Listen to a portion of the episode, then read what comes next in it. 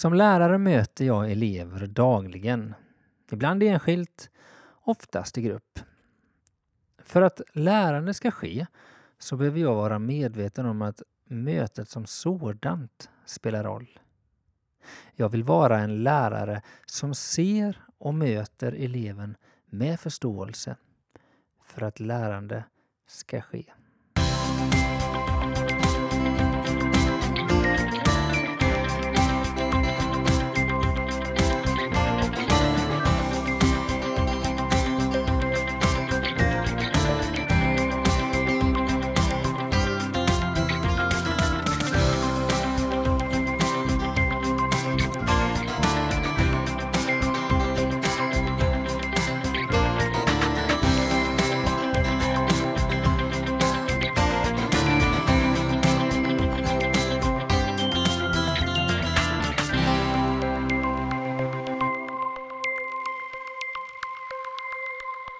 Hej och välkomna till podden Jag vill vara en lärare som.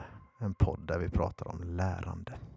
Vi som gör detta heter Daniel Dahlström och, Daniel Johansson. och vi jobbar båda som SO-lärare på Furulidsskolan i Aneby. Mm.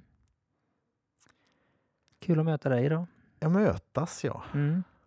Det gör vi så här ibland. Det gör vi. Och mötas kan man göra på många olika sätt. Mm. Idag är det kanske det vi kan kalla för det pedagogiska mötet. Ja, eller eh, till och med precis. Jo, men det absolut har du rätt i. Jag tänker att vi ska försöka lyfta saker som gör att det blir ett bra pedagogiskt möte. Typ- Möte för lärande, Ja, kanske man kan säga. Ja. Möte med lärande. ja, det blir det ju så.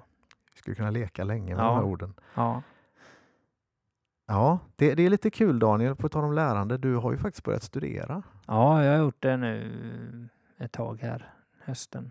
Mm. Eh, läser lite pedagogik. Känns det roligt? Det är jätteroligt. Nej, Ytterligare en anledning till att, ja, att hålla på med lärande ja, på ett annat sätt. Du blir ju lite inspirerad emellanåt har jag, har jag märkt. ja, det blir jag faktiskt. Och vi har ju läst lite pedagogik. Eh, ja, men alltså vad pedagogik är för någonting kan man säga nu första Mm. terminen en del. Och då fick vi läsa lite olika Lite olika profes- professorers eh, installationsföreläsningar faktiskt. Ja, Och det- genom åren så liksom. Ja, genom åren. Ja. Både lite, ja, från, det finns ju inte äldre än från 1910 för pedagogik har inte funnits som en vetenskaplig disciplin längre än så i Sverige. Men, eh, men då var det en del äldre och en del lite nyare och eh, det var mycket som var bra och en del som var lite segt. Men, men eh, det var några saker som jag tänkte här är så pass bra så att det borde man egentligen lyfta. Mm. Och vi har ju möjlighet att göra det. Ja, det har vi ju tänkt göra idag. Så lite grann bakgrunden till det vi ska prata om Ja, idag kommer därifrån. Ja, men, ja det är framförallt en, Mm. en, eh, en föreläsning av en professor som heter Håkan Jenner i Växjö. Mm. Mm. eh, Och han, han forskar mycket kring det här med eh, barn till föräldrar med missbruk och så. Okej. Ja, men vi kommer inte lyfta så mycket av just missbruksproblematiken utan det finns väldigt mycket saker i detta då. För där är det ju väldigt viktigt att tänka på det här med det mötet som sker för det är oftast, ja, man måste ta hänsyn till hela sammanhanget och bakgrunden och sånt där. Men det går också att dra en del generella slutsatser kring det här och det är mer där vi kommer röra Ja. oss Så är det ju faktiskt. idag då. Ja. Och sen behöver vi vara medvetna om att vi möter barn som har olika problem med sig, stora och små, men Mm, att det mm. påverkar det mötet. Det är lite sånt jag tänkte vi skulle prata om idag du och jag. Ja, men det låter ju kul. Och jag Mm. vet att du sa att vi kanske vänder på det på ett sätt idag lite. Vi, vi brukar ju avsluta med att problematisera. Idag kanske vi gör det hela tiden och, och avslutar andra änden eller? Ja, så kan man säga. Alltså jag tänker att eh, vi kommer, jo men lite så faktiskt. Vi kommer prata om lite saker som man faktiskt behöver tänka på. Det, det kan ju vara saker som försvårar, försvårar det här Mm. mötet. Så men så tänkte jag liksom man, eh, lite på slutet då istället kanske något lyfta något positivt då. Ja, vad roligt. Ja, Eh, I, I korta drag skulle man kunna säga att vi har tre punkter som vi bygger vårt samtal kring idag. mm. Och då är det till att börja med vikten av hur man blir sedd i det här mötet. Eh, och sedan lite kring professionalism i mötet.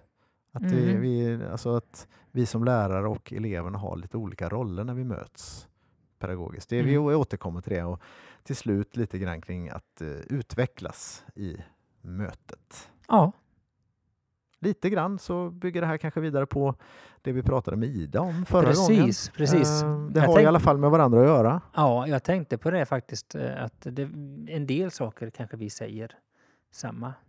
Men det Ja. gör ju ingenting. Då Nej, det gör ju faktiskt ingenting. förstärker det bara Då är det antagligen något viktigt. Ja, Ja, men Ja. vi går vidare där. Mm. bra.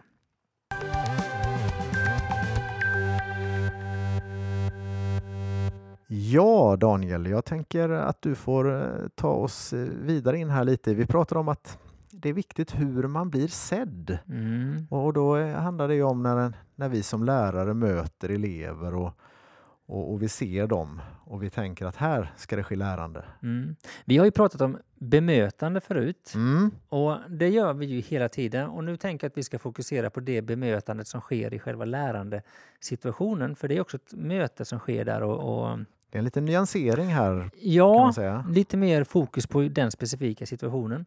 Eh, och då tänker jag att, att man blir sedd, det, det kanske man på något sätt kan tänka, det händer nog, men det viktiga, eller det avgörande är ju faktiskt hur man blir sedd.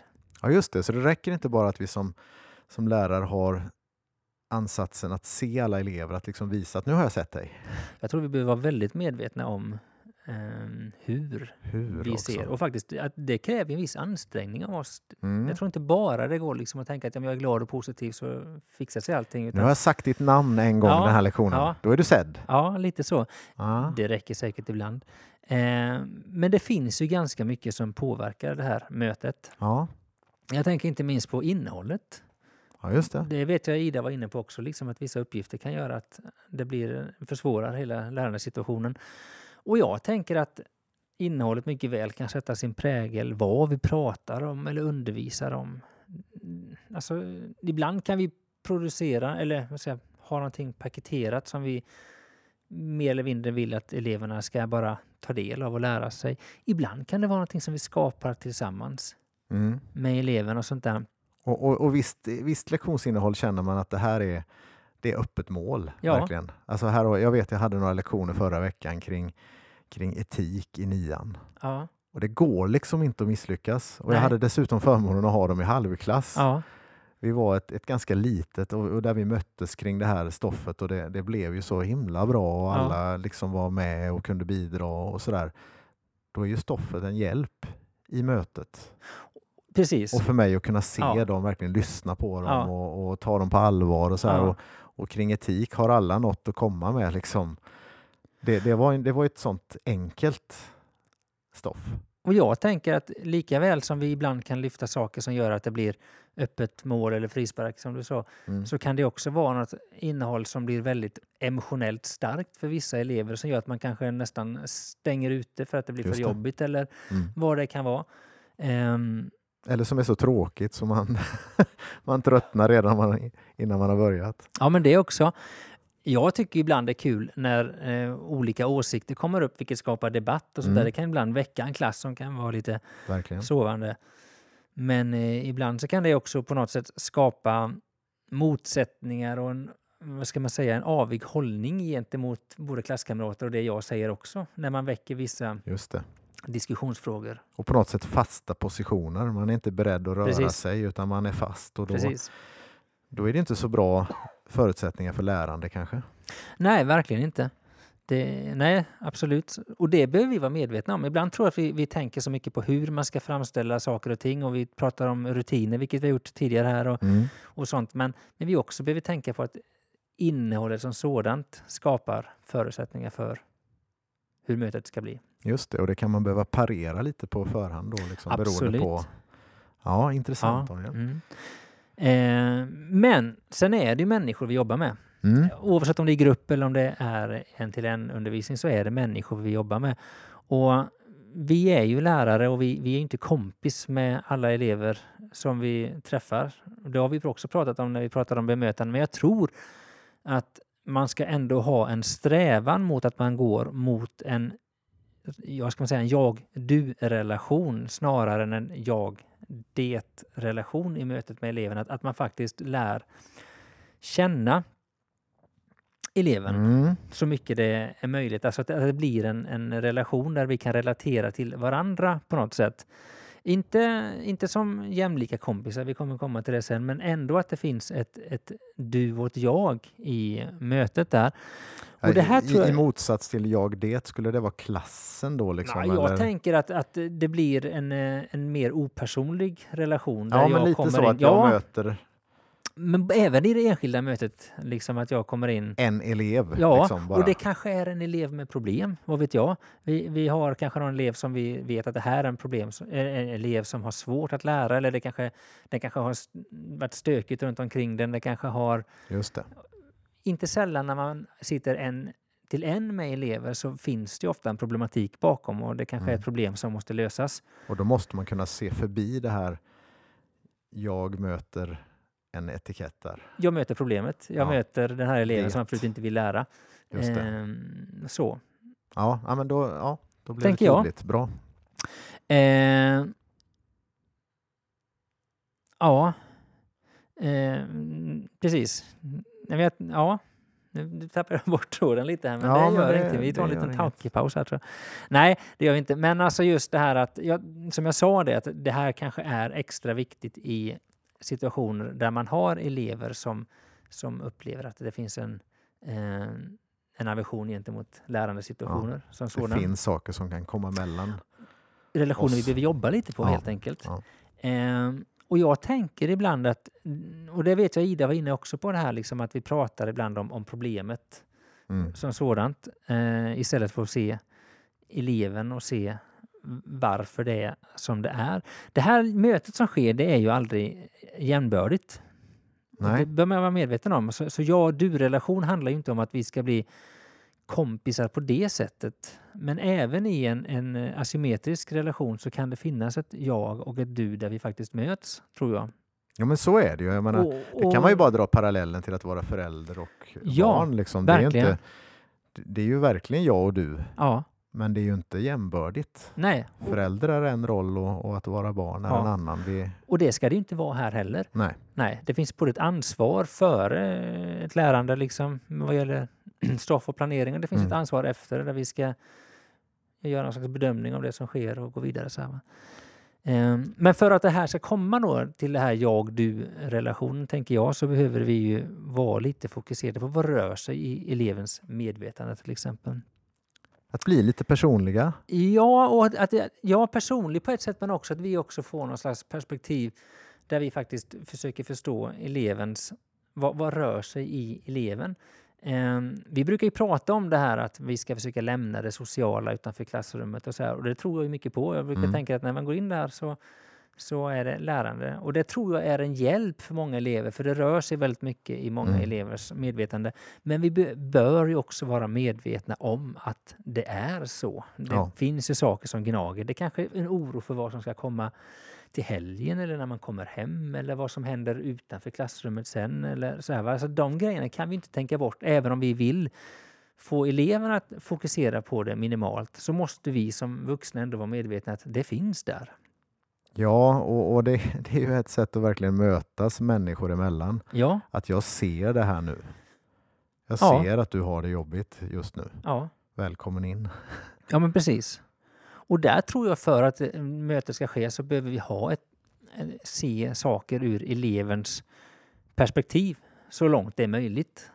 Jag tänker ibland när man pratar om saker på sociala medier och vad elever upplever och sådär, att det finns jättemycket i den världen som jag inte förstår fullt ut. Men jag kan ändå ha en, en ansats att försöka förstå, att försöka se saker med elevens ögon och försöka möta eleven utifrån elevens livssituation och upplevelser av världen också. Och det kan man ju tänka när lärande ska ske. att Vi brukar prata om att man ska man ska utgå från eleven. Det kan man göra på olika sätt. Ett Mm. sätt är att verkligen försöka förstå vad är det eleven lever med och i just nu och att börja där för att det här mötet ska ske. Och jag tror att vilja att förstå är viktigare än att faktiskt göra det fullt ut. Jag tänker det liksom Ja, när man det. sitter med ett barn eller sånt där, liksom bara att man tar sig tid och vill förstå. För frågan är om vi, om vi någonsin kan förstå på Nej, riktigt. Det är inte säkert. Alltså jag har ju inte upplevt det själv. Nej. Kanske. Men jag kan, jag kan med hela mitt väsen visa att jag, jag vill förstå Ja. och vill sätta mig in i hur Ja. det är. Ja. Och sen behöver vi också tänka på kontexten. att se barnet i sitt sammanhang. Det finns omständigheter i skolan, utanför skolan, i hemmet som, som gör att en elev ibland är svår att nå. Och då blir inte eleven bara ett problem som den tar med sig utan den kanske framförallt är ett, en offer för en slags omständighet Ja, ja. Som, som blir ett problem i skolan. Men, ehm, och för att det här ska ske så behöver vi vara försiktiga och vi behöver ha tålamod.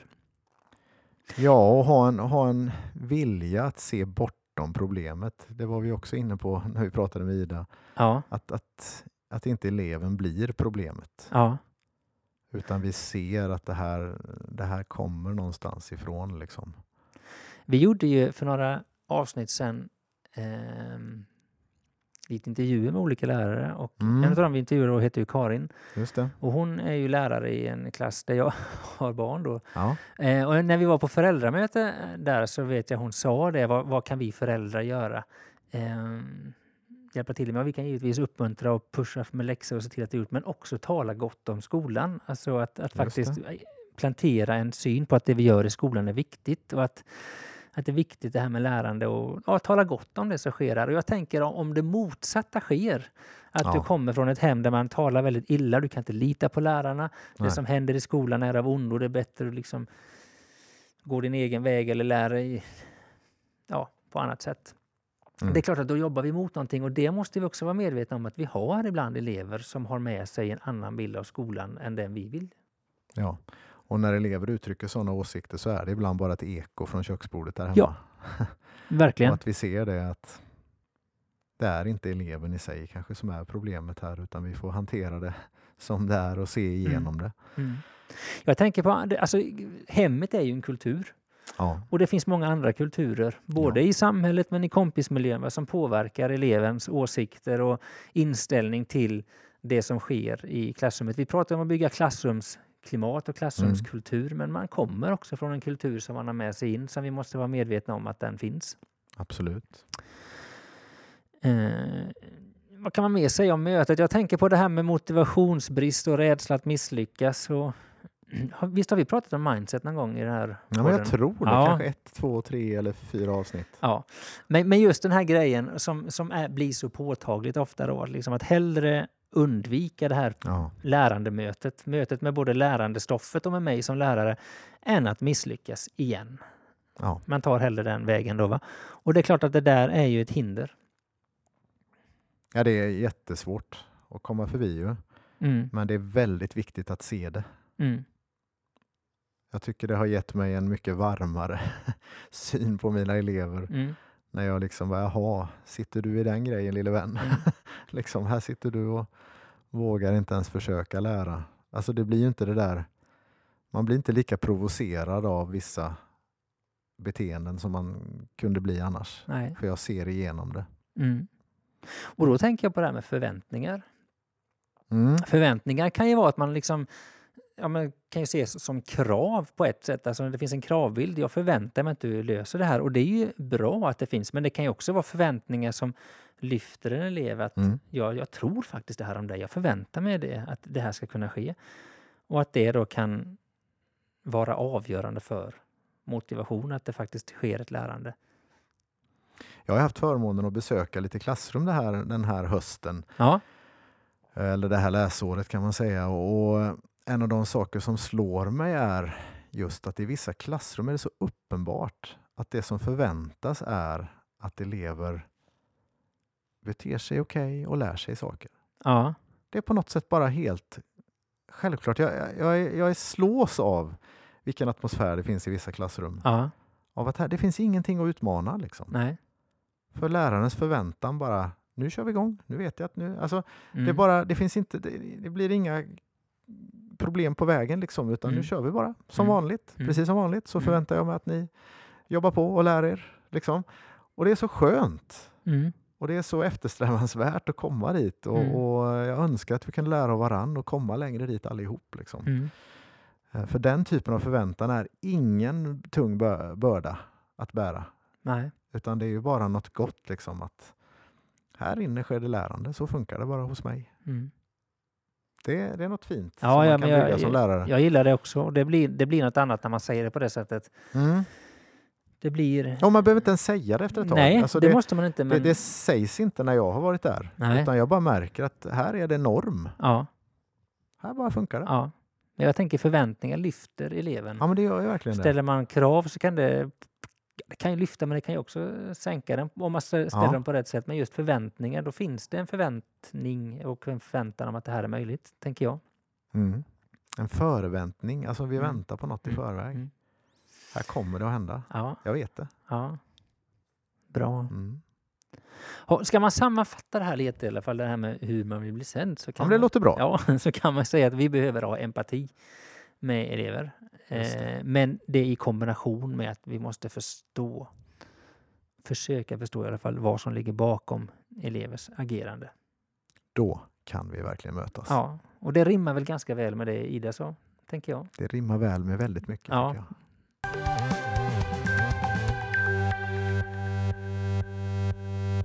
Mm, då har vi pratat ganska mycket om saker att tänka på i hur man ser elever i mötet. Hur vi ser varann och hur vi tänker kring det.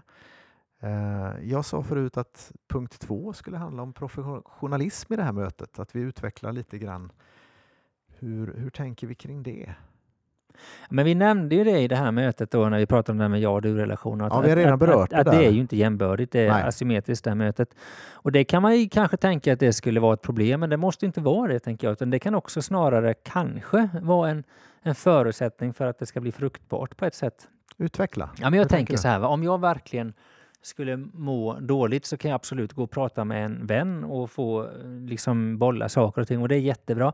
Men jag kan också gå och prata med någon som kanske är professionell för då tänker mig att här finns en, en, ehm, en både en kunskap och någon slags auktori- auktoritet i det som sägs. Att det, jag vet att det här ger någonting och jag tänker att som lärare eh, när jag möter en elev så är det jag som har ansvaret. Eh, men jag har ju också väldigt mycket erfarenhet med mig och lyckas Kunskap. kunskap. Eh, och lyckas jag då komma i det läget att jag kan möta en elev och skapa ett förtroende här så kanske mitt sätt att vilja lyfta eleven betyder eh, en hel del. Men jag tänker alltså, jag vet när jag gjorde lumpen så, här, så hade man en, Mm. en, eh, hade jag ett befäl en gång som men han var ganska svår att komma in på livet. Han var ganska hård och noggrann och sånt där. Men jag visste det att när han gav mig någon typ av feedback eh, så menade han verkligen det han sa och det lyfte mig mer än om ja, något, något lägre befäl, man ska säga, eller en kompis sa ungefär samma sak. Alltså det finns en auktoritet där i, tänker jag, som, som kan bef- bekräfta någonting som man vill ska ske. Ehm, jag snodde ett citat från den här eh, texten jag läste som var Det sätt du ser mig på vill jag också ska vara mitt sätt att se på mig själv. Alltså om jag som Mm. elev möter en lärare som ser mig på ett sätt och kan se den här potentialen och förmågorna och det lärande som skulle kunna ske, då vill jag att den bilden skulle vara min bild också. Och jag tror faktiskt att det kan vara så att i och med att jag som lärare kommer utifrån en annan position så kanske det finns en viss legitimitet i det som sägs. Men det Ja, men kommer alltså- inte av sig självt. Nej, men jag tänker så här, hur många historier har man hört där kända människor lyfter fram en lärare som anledningen till att man blommade ut i det man har blivit bra på eller så där. Det är ju väldigt, väldigt vanligt. Mm. Och då tänker jag att det är, då är det i sådana fall lärare som har lyckats med det här vi pratar, Mm. vi pratar om nu, att möta elever på ett sätt, inte på samma nivå, men att få dem liksom att, att se på sig själva på det sättet som läraren ser på eleven. Mm. Att Men jag- på så sätt lyfta. Mm. Mm, jag tänker så här, för jag var lite snabb att avbryta det där. Jag ska försöka Ja, jag avbröt dig Ja. Nej, men just det här att det här med att det råder ojämvikt då, va? Eh, Det kräver ju då att vi är medvetna om att det är så. För då måste vi ha ett etiskt förhållningssätt till Mm. detta så att inte den situationen utnyttjas. För det skulle man kunna göra i alla maktsituationer så kan man ju, eller i alla asymmetriska relationer så finns det ju ett maktförhållande som Ja, det gör det alltid kan utnyttjas. Jag, jag, jag läste någonstans där detta beskrevs som ett osynligt kontrakt Mm. liksom, som, som båda parter måste på något sätt godkänna för Mm. att det ska fungera. Mm. Men också som du säger att det får inte missbrukas från något håll. Mm. Um, att eleven måste ju på något sätt bejaka sin underordnade position i, det här, Mm. i den här relationen. Att jag är, vi är inte jämbördiga liksom, utan här inne sätter läraren ramarna Mm. och så. Det måste jag godkänna på något sätt Mm. med mitt sätt att vara för att det ska fungera. Men som lärare så är det ett superstort ansvar att inte på något sätt missbruka sin maktposition. Att, jag tror det, det, det uttrycktes som att inte komma med sarkasmer eller men att eh, precis. trycka till elever fast det ibland kan nästan kännas som att det behövs. Liksom. Men Mm. då, då missbrukar man det här mötet Mm. eller den här, det här kontraktet. Det finns mycket att fundera på där. Det kan ju vara en väldigt sårbar situation, en lärande situation, särskilt om det är Mm. någon som kämpar med någonting som man tycker är svårt eh, i själva lärandet eller i livet som sådant. Men, Ja. men det finns en sårbarhet här och det, där får ju inte självkänslan bli hotad eller man får inte bli kränkt i den situationen. Där måste vi möta med respekt. Mm. Ehm, Men jag tänker också då att vi som lärare måste vi måste reflektera faktiskt över vår människosyn eller vår elevsyn, vad du kallar det för. Mm. Jag tänker liksom, gillar vi barn? Den frågan ja. Eller, och gillar vi alla barn? Eller gillar vi bara de barnen som funkar väl i klassrummet? Eller gillar vi de här som är jobbiga och som vi, där vi liksom får sitta med saker kanske varje vecka och, och så här va? Ja, eller gillar vi dem som nästan aldrig märks? Nej, de också. Är vi där och gillar dem? Mm. Vad, vad, är människovärde för oss? Liksom? Vad, Ja. vad har vi för bild och syn där? Det här är svårt, men det, otroligt det är viktigt. jättesvårt. Jag tror vi har Ehm, refererat eh, Dylan William någon gång innan. Ja. Där han säger att rektorer behöver bara ställa en enda fråga till, till nya lärare sådär, som man ska anställa. Eller hon. Ehm, gillar du barn? Mm, Resten går att träna upp. mm. Och där, där, ja. Men även om man i grunden gillar barn så måste man också bete sig på ett sätt så det märks. Mm, Jag tycker när jag sitter och funderar på den här, du läste den här, det sätt du ser på mig vill jag också ska vara mitt sätt att se på mig själv. Tänk om jag då ser som lärare ser på en elev på ett sätt som inte är fyllt av värme mm, eller så. Då kan ju det också bli det sättet som eleven ser sig själv. mm. Jag är inte värd att tyckas om. Liksom. Nej. Eh, Det finns ju en otrolig laddning i det och en otrolig möjlighet. Ja, men För precis. lyckas jag med det där så är det oerhört vackert. Mm, Om jag kan lyfta elever som inte tror något om sig själva till Mm. att se dem som jag ser dem. Men tänk om det är tvärtom. Liksom. Att jag sänker dem med mitt sätt att se på dem. Och har vi då elever som eh, upplevs som besvärliga i klassrummet Ja. så kanske de har mött den här, eh, just det synsättet i flera olika asymmetriska relationer. Det blir bekräftat Och gång på då gång. kan inte vi vara ytterligare en sån utan då Nej. måste vi ju göra all skillnad i världen där, tänker jag. Gillar du alla barn du möter? Eh, ja. Hur Det är, ju, lyckas du med det? det är en samvetsfråga. Ja. Eh, jag tänker så här Daniel, att ju mer jag, precis som vi pratade om innan, ju mer jag lär mig om barnet och får förståelse för barnet, desto lättare är det att gilla Mm. barnet. Min grundinställning är givetvis att jag gillar barn, annars skulle jag inte jobba med det här jobbet. Sen händer det ibland att jag kan tycka att vissa barn upplevs som jobbiga i det första skedet. Man blir ganska trött och man känner sig provocerad och sånt där. Men ju mer förståelse jag får för barnet och eh, kontexten, man ska säga. Jag kan inte säga att jag någonsin har gått ifrån det ske skeendet liksom och jag hatar det här, eller tycker inte om barnet utan Man kan ju hata beteendet. man kan absolut vara jättetrött på beteendet och eh, på, på ganska mycket i situationen men, men barnet som sådant Ja. blir ju något annat när man lär känna det. ja, och när man ser igenom Ja. den här taggiga ytan Ja. liksom, som av en eller annan anledning finns där. Och det, så, så det här förståelsen kanske är lika viktigt för min egen överlevnad som för barnets skull, liksom Ja. för att orka jobba med en del Ja, jobbiga så är det. beteenden. Så är det. Ja. Eh, bra. Det ställer jag mot väggen då. Ja, men det är bra. Jag vågar inte göra det med dig. Så, men, Nej, precis. eh, vad ska man säga? Vi kan väl bara sammanfatta det med den här asymmetriska relationen. Det, det kräver ju en professionell hållning från mig. Ja, verkligen. Både etiskt men också att vi är väldigt medvetna om hur viktigt det här mötet då är. Ja. Och att vi är medvetna om vad vi skickar för signaler och att vi är medvetna om vår människosyn som jag sa. Ja, och att vi någonstans professionellt är skyldiga faktiskt att gilla alla barn. Ja. Skulle jag vilja säga. Ja. Alltså, det mötet måste vara varmt. Ja. Annars så, så gör vi inte vårt jobb. Nej.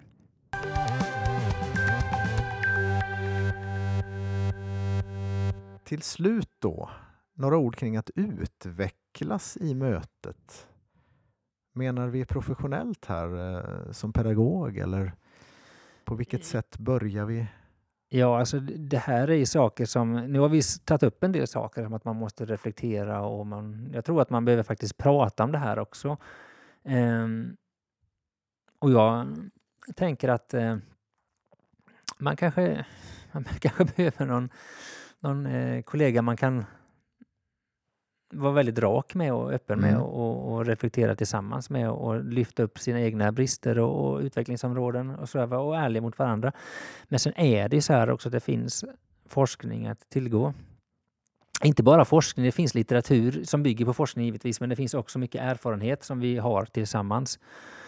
Och eh, det där tror jag är jätteviktigt, att man, att man faktiskt vill utvecklas Mm. på det här området. Och jag tänker så här, eller jag- inte jag tänker inte, jag läste det, att det är viktigt att man inte bara snöar in på en sorts forskning, utan det finns ganska mycket bredd här, att man kan titta på olika saker, eh, både vad gäller forskning om relationer eller forskning om språklig kommunikation eller vissa gruppers särskilda behov. Det kanske finns annan typ av litteratur än bara den rent pedagogiska forskningen om hur man ska lägga upp en lektion och sånt där. Eh, som man behöver Mm. ta till sig faktiskt för att skapa en förståelse.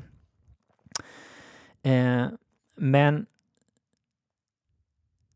jag, jag skulle vilja gå, gå så långt som, och det kanske framkommit redan, men att som lärare och om jag vill jobba med barn så skulle jag vilja säga att det är en skyldighet att faktiskt ta till sig kunskap som finns, att vilja utvecklas. Det betyder inte att jag eh, läser varenda bok som kommer ut hela tiden, men ändå att det finns en strävan att faktiskt ta till mig och vilja utvecklas och bli bättre. Det kan ju bli väldigt olika takt. Man kan inte hålla på och jämföra sig med varandra. Nej. Vem som har läst mest böcker, det är inte det det handlar om. Men, men det finns ändå ett, eh, ett, eh, anslag.